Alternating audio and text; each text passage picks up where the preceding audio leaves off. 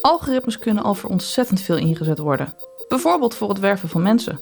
Want als jij als bedrijf op zoek bent naar nieuwe mensen, krijg je vaak ontzettend veel cv's binnen, waar je allemaal doorheen moet. Een algoritme kan dat een heel stuk sneller.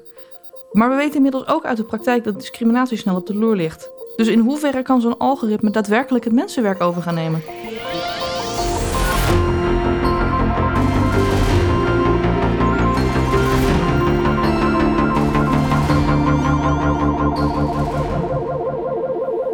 Ben Eveline Meijer, redacteur bij AgriConnect. En in Toekomstmuziek praten we hierbij over allerlei innovatieve technologische ontwikkelingen.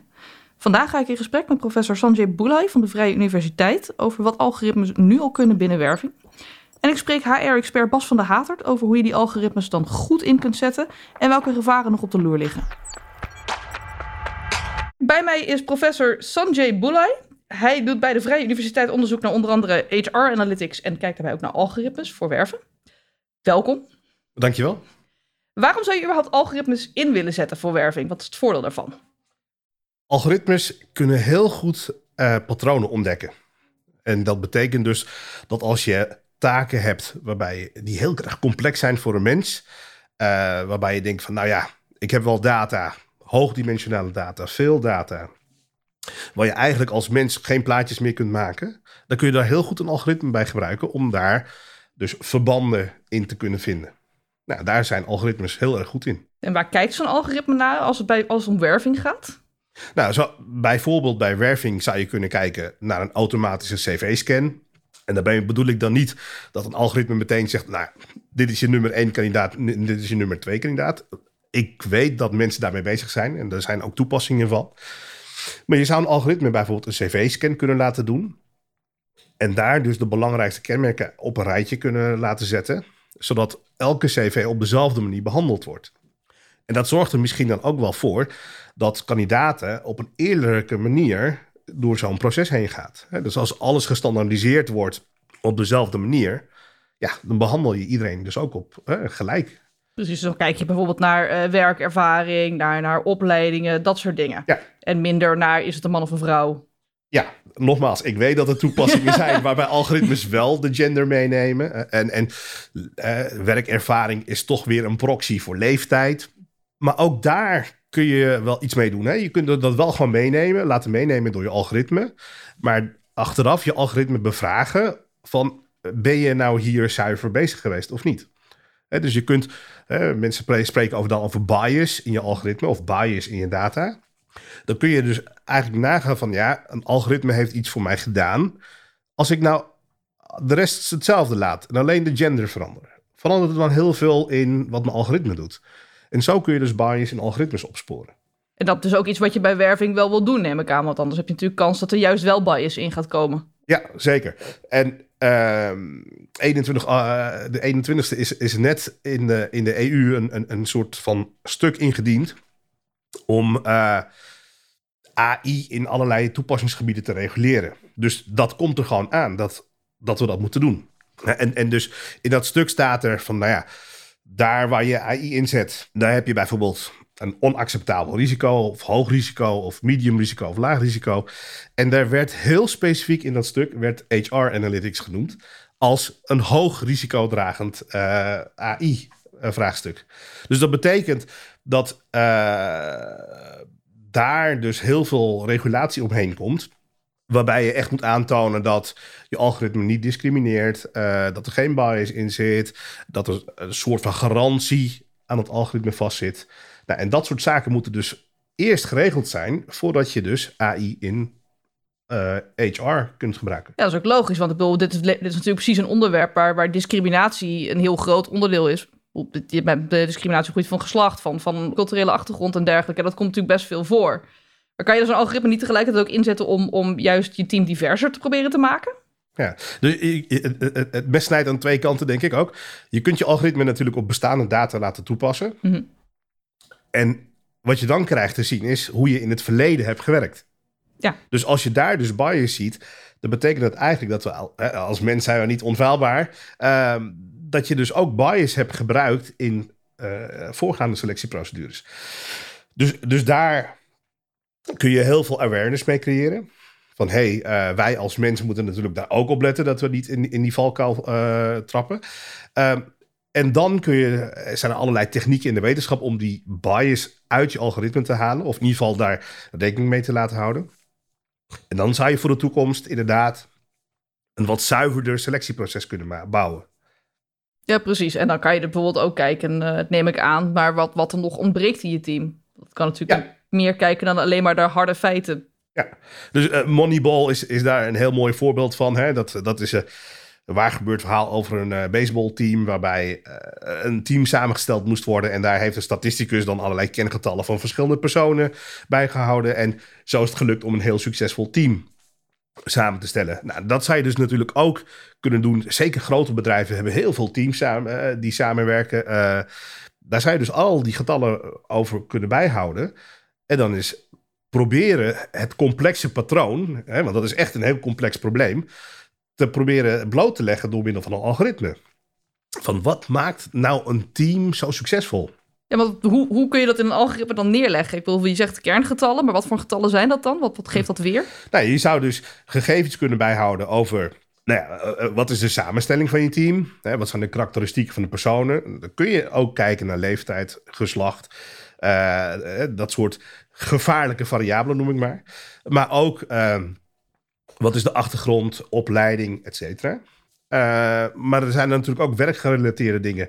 Je zou bijvoorbeeld uh, eens kunnen kijken wat voor um, cursussen heeft iemand gevolgd. Uh, hoeveel interactie hebben personen met elkaar? Hè? En, en, dan kun je zo zoetjes aan. Je zal nooit alles in één keer uh, te pakken krijgen. Maar zo kun je dan leren van... hey, wat ziet het algoritme nou in dat team dat zo goed presteert... ten opzichte van andere teams? En het wil natuurlijk niet zeggen dat, dan, dat je daar een kopie van moet nemen en dat dan alles opeens succesvol wordt. ik bedoel, verschillende teams hebben natuurlijk in een verschillende dynamiek te maken, met verschillende doeleinden. Maar je kunt het proberen uh, te gaan begrijpen. En ik denk ook dat is natuurlijk ook wel uh, een taak van, van human resources. Om te zeggen van oké, ik wil aan talentontwikkeling doen. Uh, welke talenten heb ik nu echt nodig? waar is er, is er hiaat? En, en waar moet ik op inspelen als ik kijk naar de toekomst? Ja, precies. Want dan weet je dus ook weer van: oké, okay, deze mensen mis ik nog, dus die kan ik nog gaan zoeken op de markt. Zoeken of in huis ontwikkelen. Precies. Dus dat, dat is nog weer een extra. Het haalt dus een stuk mensenwerk meer en weg. En uh, uh, het kijkt veel meer naar, naar gewoon echt de statistiek die er is. Ja, en, en, en ik denk, hè, mensen spreken tegenwoordig over humanistic AI. Dus dat is de symbiose van uh, zeg maar het menselijke met algoritmes. En ik denk, zo hoort het ook uh, te zijn. Hè? Dus een algoritme moet ondersteunend zijn aan, aan jouw domeinkennis. Dus laat het algoritme uh, zeg maar informatie ophoesten. Breng het samen met je eigen ideeën. En neem dan een beslissing. Ja, precies. Want het, mensen zijn natuurlijk altijd bang dat, dat zo'n computer dan de eindbeslissing gaat maken. Dat hij dan een beslissing maakt over je leven. Maar dat is dus niet de bedoeling. Je kan niet zeggen van oké, dit zijn de laatste tien kandidaten. Nou, laat het algoritme daar ook maar wat uit uh, kiezen. Nee, zoals al wat ik al zei, met die EU-regulatie, dan gaat dat sowieso al niet gebeuren. Zeker niet op korte termijn. Maar uh, er zijn ook natuurlijk heel veel uh, aspecten die je niet kunt meten. Hè, die je niet in getallen kunt vangen. Zoals bijvoorbeeld, is er een klik tussen mensen? Uh, zien mensen zitten om samen met anderen te werken. Ja, dan moet je toch echt uh, met menselijk contact uh, gaan doen. Dus ik, ik zou zeggen, de, de, mens moet wel in, in de driver's seat blijven. Ja, precies. En ook in de toekomst kan ik me voorstellen. Het is niet zo dat, je dat, dat we ooit kunnen zeggen van nou die werving, dat laten tegenwoordig allemaal aan computers over. Dat, dat... Ja, uh, misschien dat die tijd een keer aanbreekt. Ik weet het niet. Maar ik, ik zie het niet op korte termijn gebeuren. Nee, het, uh, in principe is het voorlopig. Je kan een selectie maken tot een bepaald punt. Tot de laatste 10, 20 bijvoorbeeld. En dan heb je een kleiner groepje waar je als mens mee in gesprek gaat. In plaats van... Ja, en, en je kunt ook, hè, dus je kunt ook echt ook de, de sollicitant helpen. dus sollicitanten die... die die hebben meestal ook een beeld van: oké, uh, dit is de, de functie waarvoor ik wil gaan. Maar misschien heb je als, als, als werkgever ook wel uh, gezien van: nou ja, mensen met jouw profiel zijn ook heel succesvol in een andere baan. Nou, daar kan je dan ook zeggen van: nou ja, je hebt wel gesolliciteerd op baan A, maar heb je ook wel eens gedacht aan baan B bijvoorbeeld. Hè? Dus, dus je kunt die data op heel veel manieren gebruiken. En, en daar kom je achter door gewoon samen eens een keer te gaan zitten, te brainstormen met een heel divers clubje mensen. Dus niet alleen recruiters, maar ook andere mensen die er gewoon om een bruisend ideeën van te krijgen van wat kan ik nou allemaal met mijn data? En, en dan niet alleen om dingen efficiënter te laten lopen, maar om echt mensen te helpen. Ik denk bij al je, noem het AI, machine learning, data gedreven werken, moet je altijd de mens centraal zetten. Ja, precies. En dat geldt hier ook. En waken dat het geen black box gaat worden natuurlijk. Ja. Er is niks erger dan afgewezen worden omdat de computer dat zegt. Precies. En that's it. Ja, en ik, en ik denk ook, je moet echt ook iemand in de ogen kunnen kijken en zeggen van, nou ja, je bent afgewezen en wel om deze reden. dus, dus dat de algoritme moet Hè, dat noemen ze XAI, hè, Explainable AI. Uh, dat je kunt zeggen van, nou ja, het algoritme heeft jou misschien op een lagere ranking geplaatst om deze redenen. En dan kan een mens er altijd nog kijken of hij of zij het ermee eens is. Dus eigenlijk is het nu al best wel een, een, een, nuttige tool die je in kan zetten, mits je waakt voor, voor bias, mits je waakt voor black box. Als je, en niet alles door het algoritme laat doen. Ja, en heel veel routinematig werk kan al eigenlijk in principe, uh, dus de, waar je dus eigenlijk niet, uh, laten we zeggen, uh, directe impact hebt op de, op de, op de mensen, mm -hmm. kan je natuurlijk door algoritmes laten overnemen. Hè? Dus, dus informatie uit rapportages halen ehm, en dat soort zaken. Ja. Dus, en dat geldt hier natuurlijk ook voor, voor die cv's, voor kijken waar nog gaten ja. zitten in je team. Ja, en, dan... en wat je ook ziet gebeuren is, omdat omdat er heel veel waardevolle dingen in die cv staan en die nu eigenlijk eruit gehaald uh, moeten worden door een algoritme, zie je nu dus allemaal van die websites ontstaan waarbij je in vakjes allerlei dingen moet invullen. Hè, dus dan heb je eigenlijk al een, een soort van voorsortering van de belangrijke kenmerken die je uit je cv wil halen. Maar altijd blijft er nog zo'n tekstvakje waar je zelf uh, dingen in kunt vullen. Nou, en dat zou je ook nog steeds door een algoritme kunnen laten verwerken. Heb je nu niet het gevaar dat mensen die cv's gaan aanpassen, dat ze gaan manipuleren? Ja, er zijn ook gevallen van bekend. Hè? Dus, dus in het systeem waarbij je niet met boxjes werkt, uh, zijn er gevallen bekend van, van bedrijven die hebben gezegd van, nou ja, oké, lever je cv in, wij kijken er met een algoritme naar. Dan heb je altijd mensen die zeggen van, nou ja, oké, ik start mijn Word en dan typ ik het zichtbare in zwart en het onzichtbare in wit. Dus als je hem print, dan zie je bepaalde teksten niet. Maar het algoritme zet alles gewoon om naar tekst en ziet die witte delen dan wel. Ja, en, eh, je, je moet er rekening houden dat overal waar je technologie inzet, zullen er mensen zijn die daar die gaat, dat gaan bestuderen, reverse engineeren en daar weer iets op gaan verzinnen. Uh, ja, dat, dat blijf je houden. Ja. ja. dus daarom is mensenwerk ook nog steeds zo belangrijk. Want anders komt zo'n cv er misschien wel als beste uit. Dan zou de computer zeggen, hey, die moet je hebben. Terwijl als jij naar zijn cv kijkt, denkt van, nou, nee hoor. Ja, en dus daar is, is die uitlegbaarheid heel erg belangrijk. Hè? Dus het inzichtelijk maken waarom een algoritme iets doet. Want dan kan jij als mens zeggen van, nou, hier staat dat jij uh, drie awards hebt gekregen. Maar als ik je cv print, dan zie ik hem niet. Hè? ja, precies. Nou ja, goed, dan uh, blijft de mensen toch altijd wel een belangrijke speel in het web hierbij. Ja, human resources, hè? Human is het eerste woord. Exact. ja. Met ondersteuning van de computer. Precies. Super, dankjewel. Graag gedaan.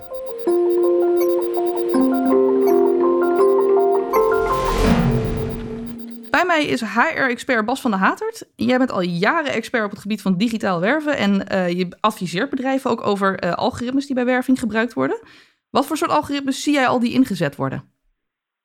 Ja, um, je kan als je met software uh, selecteert natuurlijk niet geen algoritme hebben. Want zo gauw het binnenkomt, sorteer je het op een bepaalde volgorde. En dat is een bepaald algoritme. En meestal wordt het gewoon op tijd van binnenkomst gedaan, waardoor we dus ook vaak zien dat de mensen die als eerste solliciteren de meeste kans hebben. Nou, dat lijkt mij niet de meest representatieve uh, vorm.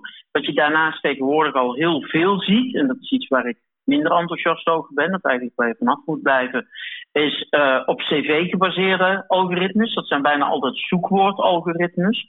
Um, en de NSVP heeft daar bijvoorbeeld een paar jaar geleden heel mooi onderzoek naar gedaan. Waarbij dus uh, witte tekst op een witte achtergrond alle kernwoorden erbij hadden gezet. Die in een, vacature tekst terugkomen. En ze werden gewoon 20, 30 procent vaker uitgenodigd.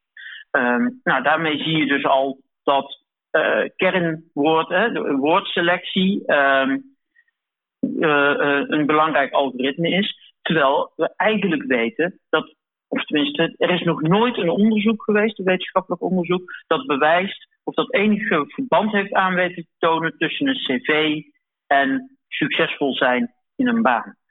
Um, en dat is ook volkomen logisch, want de cv vertelt mij wat jij gedaan hebt, voor wie en hoe lang. Terwijl het enige wat telt hoe goed jij in een baan gaat zijn, is hoe goed jij die baan hebt gedaan.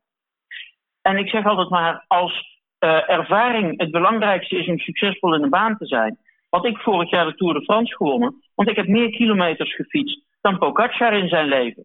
Het feit dat ik dat niet dezelfde snelheid heb gedaan, staat niet in mijn cv. En het feit dat ik al jaren minder word, uh, dat negeren we helemaal eventjes in een cv. Dus cv-gebaseerde algoritmes, die zie je al wel steeds meer, want dat is makkelijk. Alleen, eigenlijk weten we dat, um, dat die per definitie niet voorspellend zijn. Um, ook heel erg die discriminatie in uh, de hand kunnen werken. En om dan voor jouw uh, IT-doelgroep meteen een voorbeeld te geven met CV-gebaseerde algoritmes, die gaan bijna altijd op keywords. Heel sporadisch zitten daar uh, alternatieven in, hè? dus, dus andere synoniemen. Um, met als gevolg dat dus iemand die JavaScript had gedaan, wel boven komt drijven op een uh, Java developer vacature, maar iemand die uh, J2EE of J2ME of welke term het tegenwoordig is, heeft gedaan, die komt er niet in voor, want dat synoniem herkent het systeem niet. Ja, precies. Maar in sommige gevallen wil je natuurlijk wel, want je zegt een cv, dat vertelt je niks over hoe je het gaat doen. Uh, maar in sommige gevallen wil je natuurlijk wel misschien een wat meer ervaren iemand, omdat, die, uh, uh, omdat je graag een senior developer zou willen, bijvoorbeeld. Zou een cv daar niet wat ja, over maar, kunnen vertellen? Nou ja, dan is de vraag, hoe definieer jij senior? Is senior iets dat je in jaren definieert? We weten dat het aantal jaar ervaring, blijkt uit elk wetenschappelijk onderzoek, heeft nul voorspellende waarde, nul op prestaties. Dus definieer, volgens mij moet je senior dan definiëren aan de hand van een skillset. Wat moet iemand wel of niet kunnen? Hoe hoog leggen we de lat? Welke frameworks moet hij mee kunnen werken? Welke frameworks uh, zou deze persoon uh, um, moeten uh, kunnen toepassen? Waar moet deze persoon doorheen kunnen kijken? Welke consequenties van zijn keuzes moet deze persoon zien? Ehm, dat je het op die manier gaat definiëren en dat je daar dus gewoon een test op doet. En dat is het grote probleem. Um, wij definiëren dingen als senior aan de hand van jaren, terwijl we weten uit onderzoek dat het aantal jaar uh, niks zegt. Ik bedoel, en ik denk dat jouw luisteraars met z'n allen wel minimaal één iemand kennen die tien jaar lang Java of C-Sharp heeft geprogrammeerd en er nog steeds helemaal niks van komt. dus eigenlijk kunnen we zeggen, die cv's die, die kun je gewoon de prullenbak in gooien, of je nou een algoritme gebruikt of niet. Maar hoe, wat voor een algoritme kan je dan wel inzetten om te werven? Zijn er algoritmes die dan wel goed zijn? Ja, zeker, zeker. En ik, nogmaals, dan kom ik dus terug op de vraag, wat zoek je? En um, zoek je bijvoorbeeld echt technische kennis? Of zoek je bijvoorbeeld een stukje uh, learning agility? Um, om je dan een voorbeeld te geven, de uh, gemeente Rotterdam heeft vorig jaar, uh, en dat is dan iets uit jullie uh, vakgebied, maar een recruiter uh, uh, geworven. Of een paar jaar geleden is dit inmiddels. Um, en die hebben dus gekeken van wat zijn nou de kenmerken die een recruiter bij ons moet hebben, cognitief. Nou, een van de dingen die ze bijvoorbeeld erin hebben zitten, en dit is toevallig degene die ze tegen mij verteld hebben, omdat het ook, ook makkelijk is. als recruiter bij de gemeente Rotterdam heb je altijd zes, zeven verschillende hiring managers die je moet managen. Uh, die allemaal minimaal één keer per week aan je bureau staan met heb je nou nog die kandidaten voor mij nog gevonden. Dus je moet bijvoorbeeld snel kunnen switchen tussen taken. Als jij makkelijk kan, kan eh, uh, ja, multitasking is het verkeerde woord, maar fast switching heet dat dan. Hè? Je moet niet altijd te monotoon willen werken. Dat, dat is gewoon een cognitieve vaardigheid. Sommige mensen kunnen heel goed gefocust op één project een dag zitten. En andere mensen kunnen die vragen aan hun bureau makkelijk verwerken. Nou, dat soort testen hebben ze gedaan. En het mooie daarvan was, vond ik, dat ze. Um, ze hadden van tevoren gezegd: we nodigen vijf mensen uit. En we hebben één selectiecommissie die kijkt naar cv's. En we hebben één selectiecommissie die kijkt naar testen. Want we hebben nog nooit met die testen gedaan. Dus we willen wel even weten of die testen wel, wel iets zijn. Um, vervolgens waren er uh, drie mensen die zowel door de cv als door de testcommissie zeg maar, uh, naar voren werden geschoven. Dus uh, daar was geen discussie over.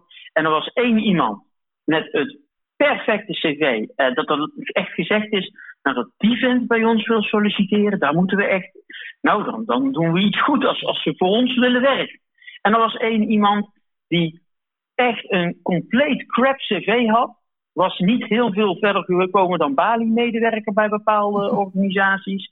Maar de enige met een 100% matching score op het algoritme, zoals we hadden gezegd, dat denken wij dat een, een recruiter moet zijn. Uh, qua uh, ja, persoonskenmerken en cognitieve vaardigheden.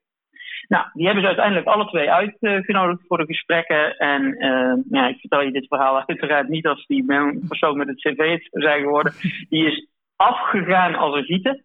Uh, naar verluid heeft men gezegd, nou, hoe die zijn cv heeft weten te bouwen? Werkelijk geen idee. En die andere persoon met zijn 100% score is dus echt fantastisch door die gesprekken heen gekomen. Heeft de baan gekregen, werkt er nu twee, drie jaar.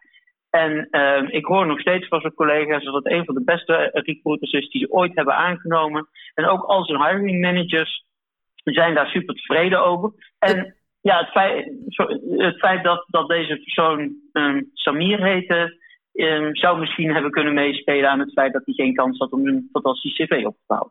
Dus wat je zegt is, het maakt de kansen gelijker om door zo'n proces heen te komen. Ongeacht je werkervaring, je achtergrond. Dus de angst dat, dat, dat, dat dit soort algoritmes uh, uh, zorgen, kunnen gaan zorgen voor discriminatie, dat ze er aan bij kunnen dragen, dat is als je het op deze manier doet, dus helemaal niet het geval. Nee, uh, ze kunnen absoluut eraan bijdragen. Namelijk als we het algoritme kan baseren op huidige menselijk gedrag. Want even heel simpel, um, Mohammed heeft een derde kans om uitgenodigd te worden op een gesprek als Mark. We hebben één keer een algoritme uh, gebouwd als een wetenschappelijk experiment op basis van alle cv's en eerste gespreksdata van um, meer dan 500 van de grootste werkgevers van Nederland. He, die hadden dat allemaal geanonimiseerd. En het eerste wat dat cv had, zei boven de 50 kansloos. Um, want menselijk gedrag. En blijkbaar uit de data bleek dat als je de 50 gepasseerd was, dat je niet werd uitgenodigd. Is dat eerlijk? Lijkt mij niet. Heeft dat iets met een algoritme te maken? Nee, dat heeft met menselijk gedrag te maken. Oké, dus je moet niet gaan kijken naar, naar wat je nu binnen je bedrijf hebt als je zo'n algoritme wil gaan gebruiken. Maar, maar wat moet je dan wel naar kijken? Wat pak je dan nou, wel mee? Je, je kan wel kijken, dat is de grap, je kan wel kijken naar wat je nu hebt. Alleen niet naar de datapunten waarop je ze hebt aangenomen. Dus um, wat wij bijvoorbeeld ook wel eens doen, is dat we kijken naar wat hebben we nu? Um, wat zijn, um, en we laten die mensen dus testen doen. Hè? Dus, dus ik ken bijvoorbeeld een beurshandelaar die dus gewoon als een beurshandelaar bepaalde cognitieve testen heeft laten doen. Daaruit komt dan een cognitief profiel. Hè? Dus uh, nou, beurshandelaren hebben uiteraard extreem hoge reactiesnelheid nodig weet je, in de, in de buurt van Max Verstappen reactiesnelheid, dat dingen, hebben extreem hoge informatieverwerkingssnelheid nodig, want je moet echt super snel kunnen rekenen en reageren. Um, nou, dat zijn volkomen logische dingen die je dan in zo'n test gaat gooien. Um, en daar pas je ook een klein beetje, uh, ja, ik noem het boerenverstand. Uh, uh, het Engelse term is human judgment op. Nou, want soms zie je ook wel eens iets in zo'n test terugkomen. Dat je bij jezelf denkt, ja, kunnen wij verklaren dat dat voor die functie nodig is? Of hebben wij misschien altijd mensen met die bias aangenomen? Precies, dus je wil heel erg gaan kijken naar, naar wat moet iemand kunnen om in deze functie te komen? Of hoe moet iemand zijn? Wat voor kwaliteiten moet diegene hebben? En dan dus niet kijken naar wat ja. je nu hebt, maar echt wat er nodig is. Wat er, wat er nodig is. En soms kom je ook dingen tegen, heel interessant natuurlijk, die je nooit verwacht had dat heel belangrijk waren voor een bepaalde functie. Of die heel erg belangrijk zijn om te kunnen functioneren bij dat bedrijf. Um, maar um, ja, die, die je zelf nooit gezien had, want uh, zoals het Chinese gezegde, uh, een vis ziet geen water.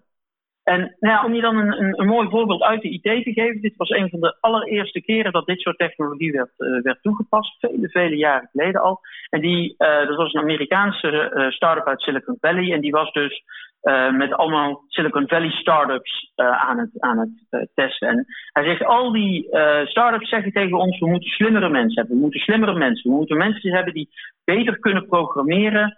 Um, En dan, dan zijn we er. Dus we moeten echt op programmeerkwaliteit testen. Hij zegt, we zijn toen gaan testen. Wat is nou het verschil tussen de acceptabel of de goed presterende mensen en de toppers? Hè, binnen, dat, binnen al die organisaties. Hè, dat, dat, dat is dan die data. En wat bleek? Communicatieve vaardigheden, ehm, teamwork en, en uh, uh, dat soort ja, soft skills schijnen we ze te noemen. Lijkt mij uh, nogal belangrijk dat je weet wat iemand wil. Maar um, hij zegt dat was het enige verschil wat, wat de toppers niet. Dus in plaats van dat iedereen ging naar we gaan van de 80% kwaliteit naar de 90% kwaliteit, zei ze als die 80% is goed genoeg, sterker nog de 90% uh, uh, op, op snelheid van programmeren en zo functioneert bij ons niet eens. Want die frustreren zich aan het feit dat mensen uh, hun niet meer begrijpen. Omdat ze de communicatieve vaardigheden niet hebben om het aan de rest van de organisatie te vertellen. Precies, dus dan zie je opeens dat andere vaardigheden veel belangrijker zijn. Heb je daarentegen niet het probleem dat als je dat soort vaardigheden uh, uh, of kwaliteiten gaat definiëren, dat je dan allemaal dezelfde mensen uiteindelijk aan gaat nemen? Nou, dat, dat is absoluut een risico als je hele strikte profielen gaat, gaat instellen. Dat, heel erg. En daarom zeg ik altijd, je moet een bepaalde baseline hebben. He, dus het is um, zeker als je hiermee begint, begin met gewoon wat zijn nou de minimale waarden die we nodig hebben. En maak daar weer een, een menselijke afweging in. Nou, we hebben hier bijvoorbeeld twee mensen die overdreven goed scoren op analytische vaardigheden. Dus misschien moeten we er daar twee bij zetten die uh, iets hoger scoren op communicatieve vaardigheden en iets lager op analytische vaardigheden. En het is natuurlijk fantastisch als je iemand kan vinden die overal fantastisch op scoort. Maar die zijn er niet zo heel erg veel. Dus je zal de afwegingen moeten maken. En dan moet je ook, en dat doen de, de, de, hele goede, uh, dan moet je naar teamwork gaan kijken. Dus eigenlijk kunnen we algoritmes al best goed inzetten binnen werving, mits je het op de goede manier doet. Komt het eigenlijk op neer? Het, het kan absoluut. Um, waar je het meeste tegenaan loopt, merk ik, is dat we um, heel slecht zijn op dit moment, en dat zijn we al heel veel jaren, in diepgaand een definitie van goed uh, te definiëren. Um, over het algemeen, als ik met partijen in, in gesprek ga, ben ik um, 90, 95 procent van mijn tijd bezig om goed te definiëren. En dan te definiëren in niet-ambiguë termen. Hè? Uh, ja, het moet een teamspeler zijn. Oké, okay, en welk gedrag verwacht jij bij een teamspeler? Precies. Ja, uh, vriendelijk voor je collega. Ik zeg, oké, okay, dus je moet over je heen laten lopen. Nee, nee. Weet je... Uh, Precies. Dus en, en, daar zit nog echt een uitdaging in. Definieer nou wat zo iemand moet kunnen. Wat, diegene, wat je wil. Wat je zoekt. Wat voor Precies. gedrag wil je en, hebben? Welke kennis wil je hebben? Dat idee. Ja, en dan ook accepteren. Uh, om je een mooi voorbeeld te geven van, van uh, een IT-bedrijf. Of nou, het was geen IT-bedrijf, maar ze hebben bijna alleen IT'ers in dienst, zeg maar. Dat was een, een financiële dienstverlener met, specialist. En een goede vriend van mij was daar hun, hun hoofd IT-recruitment. En die zei van, ik heb aan al mijn hiring managers, alle hoofden van de afdelingen gevraagd, wie is nou je allerbeste IT'er? En alle vijf konden ze één persoon noemen die er met kop en schouders bovenuit zag. Dat was echt de crux van hun afdeling. Hij zegt, ik heb naar allemaal gekeken. En geen van allen had een IT-vooropleiding gehad. Allemaal waren uh, ja, self-taught, zeg maar. Hij zegt er vervolgens zeggen al die hiring managers wel tegen mij: ja, als ze geen IT-vooropleiding hebben, hoef je ze niet aan mij door te geven, want dan missen ze een bepaalde basis. Um, met als gevolg dat je dus zegt van. Um, en ik begrijp heel goed dat mensen zonder een, een, HBO, WO, IT-opleiding heel vaak het net niet hebben en inderdaad die basis mis. Um, maar de diamantjes hebben dat ook niet. En die hebben vaak iets anders en die zijn daarnaast heel goed in IT geworden. Met als gevolg dat je dus bereid bent de diamanten uh, te laten liggen, omdat je niet door de groep stenen, door de stenen heen wil zoeken. Precies, dus je moet accepteren soms dat jouw vooroordelen die je hebt of, of bepaalde dingen die je verwacht, dat die niet altijd waar zijn. Dus dat je ook, ook en, iemand tegenkomt die niet helemaal je verwachting doet, maar misschien wel heel goed geschikt is voor die functie. Ja, nou ja, precies. En uh, daar kunnen dus ook weer testen in terechtkomen. En ik zeg altijd, uh, begin met een test te laten doen. En op basis van die test kan je gaan kijken of iemand iets kan. En, en denk je dat we uit dit, in dit hele proces, dat soort algoritmes ingezetten, denk je dat we de mens uit het sollicitatieproces kunnen halen? Of, of denk je dat er nog wel een rol voor de mens weggelegd blijft? De mens blijft zeker de komende vijf tot tien jaar nodig om de, de, de data te interpreteren. Precies. En om vervolgdata te krijgen. Maar dat vind ik het gave aan moderne assessment tools, hè, dus die, die, die testjes.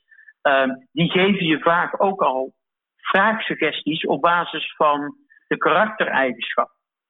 En de beste, de beste assessment testen weten ook dat ze niet perfect zijn en dat er ja, eh, dingen in kunnen sluiten. Mhm. Ehm, dus die geven dan aan van ja, test, dit zijn drie vragen die op basis van deze uitslag die deze kandidaat kunnen stellen. Precies. En daarin is de mens gewoon uh, belangrijk. Dus het is niet dat we de mensen helemaal eruit gaan gooien nog. Maar er is al wel veel wat we wel kunnen. Ja, nou ja mijn, mijn ding is dat we de mens in de preselectie er zoveel mogelijk uit moeten gooien. Precies. Dus dat we ehm, niet moeten beginnen met cv-selecties. Sowieso helemaal niet. Uh, hooguit. Weet je, kijk, voor sommige functies. Hè, uh, ik vind het heel fijn dat uh, eh, KLM zijn piloten selecteert op het hebben van een pilotenproefet. Dat, dat, dat, geeft wel een veilig gevoel. En dat mijn, mijn huisarts en mijn tandarts daarvoor gestudeerd hebben en weten waar ze mee bezig zijn. Ook plezierig gevoel. Um, maar dat is geen cv, dat is een vinkje. Precies. En een registratie. En dat is controleerbaar. Um, dat we vanaf dat punt uh, uh, gaan kijken van wat kunnen mensen. Oké, duidelijk. Dankjewel. Algoritmes zijn dus al best goed in te zetten binnen het wervingsproces. Maar dat betekent wel dat we de goede vragen moeten stellen, de goede algoritmes moeten inzetten en vooral ook dat de mens nog wel betrokken blijft bij dat sollicitatieproces. We kunnen nog niet alles aan computers overlaten en dat moeten we misschien ook niet willen. Maar we kunnen ook ons nu al de vraag stellen hoe oké wij het vinden dat wij beoordeeld worden door zo'n computer om te bepalen of wij goed genoeg zijn voor zo'n functie. Hoe stel jij daar tegenover? Laat het ons weten via sociale media, dus via Facebook, via LinkedIn of via Twitter, via ICT Nieuws. En bedankt voor het luisteren en tot de volgende keer.